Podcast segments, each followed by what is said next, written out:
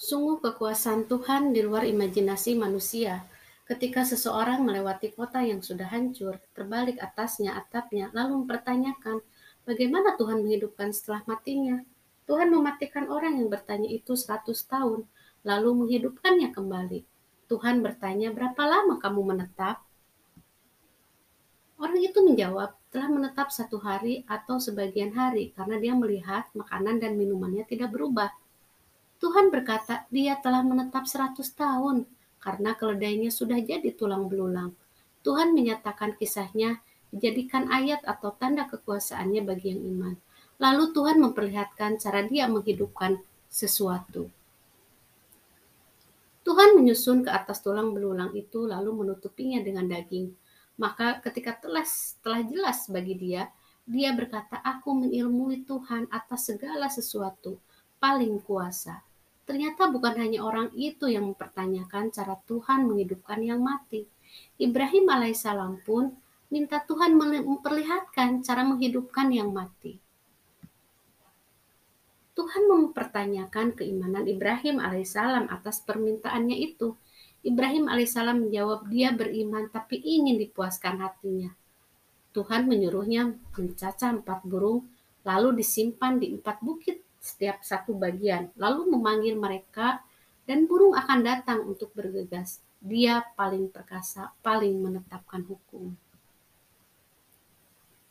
Mengapa dalam kejadian yang serupa Tuhan menggunakan namanya yang berbeda? Pada kisah ke-1 diangkat namanya paling kuasa, sedangkan pada kisah kedua diangkat paling perkasa, paling menetapkan hukum.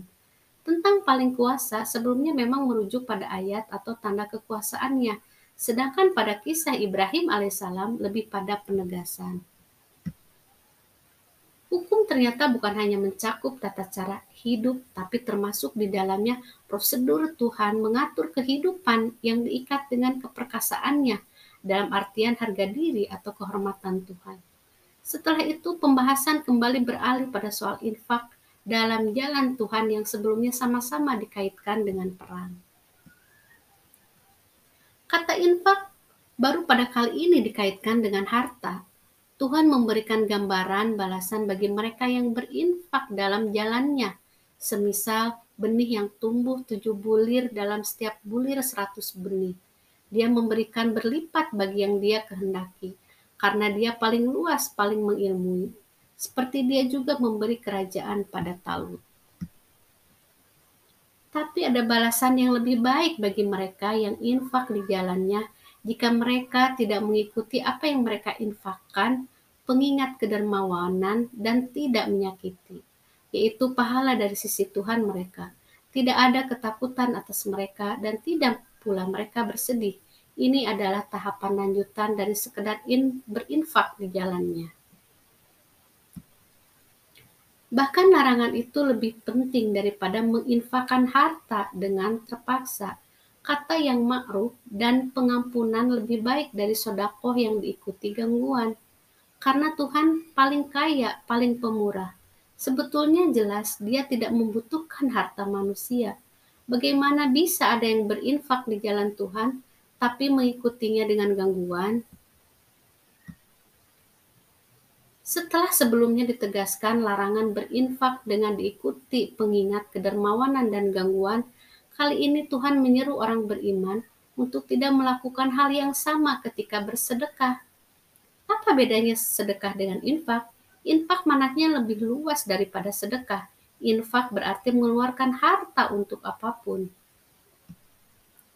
Sedangkan sedekah khusus pada hal-hal yang berkaitan dengan kebaikan atau keteguhan jiwa dalam berislam. Mereka yang membatilkan sedekahnya dengan mengingat dan menyakiti bisa jadi karena mereka menginfakkan hartanya untuk dilihat manusia dan tidak berbuat karena keimanan pada Tuhan dan hari akhir. Jadi, mereka yang ria pada dasarnya tidak beriman. Permisalan mereka itu seperti batu mulus yang di atasnya ada debu lalu menimpa padanya hujan besar dan tidak ada yang tersisa. Batu itu jadi licin. Mereka tidak dapat mengontrol atas sesuatu yang mereka usahakan. Tuhan tidak memberi petunjuk kaum kafir. Ternyata Mereka yang ria dikategorikan kafir. Ria sungguh suatu masalah besar.